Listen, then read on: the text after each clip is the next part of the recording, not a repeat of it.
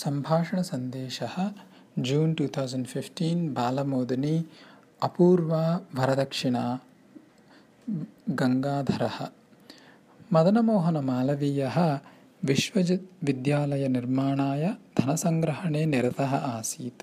तदवसरे कश्चन धनिकः तं दृष्ट्वा स्वपुत्र्याः विवाहस्य निमन्त्रणपत्रं दत्त्वा भवता अवश्यम् उपस्थाय वधूवरौ आशिषा अनुग्राह्यौ। वरः तु भवतः शिष्यः एव इति निवेदितवान्। मालवीयवर्यः निमन्त्रणपत्रम् अपठत्। वरः कः इति तेन झटिति अभिज्ञातं ततः सः तं सज्जनम् अपृच्छत्।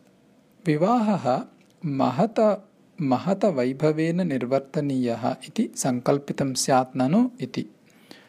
आम् एकमात्रपुत्री मम एषा वरकुलीयाः अपि धनसम्पन्नाः।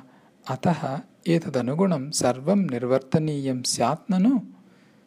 महान्तं धनव्ययं कर्तुमपि योजना कृता स्यात्। वैभवेन विवाहः निर्वर्तनीयः चेत् व्ययविषये चिन्ता न कार्या मम एकमात्रपुत्र्याः विवाहस्य अवसरे अहं कथं व्ययविषये सङ्कोचं कुर्याम्? आडम्बरार्थं यः व्ययः क्रियेत सः वस्तुतः व्यर्थः एव। शाश्वतकार्याय धनव्ययः यदि क्रियेत तर्हि एव सः श्लाघ्यः भवेत्। विवाहस्य वैभवेन निर्वर्तनाय यत् धनं व्ययीक्रियेत तत्सर्वं वरदक्षिणारूपेण विश्वविद्यालयाय अर्प्यताम्। विवाहः सरलतया निर्वर्त्यताम्।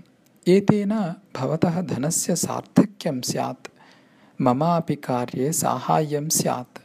लोककल्याणकरस्य कार्यस्य प्रोत्साहनात् महत् पुण्यमपि प्राप्येत। सः धनिकः क्षणं विरम्य अवदत्।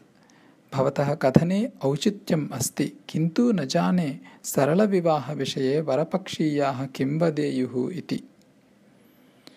वरः मम शिष्यः एव ननु?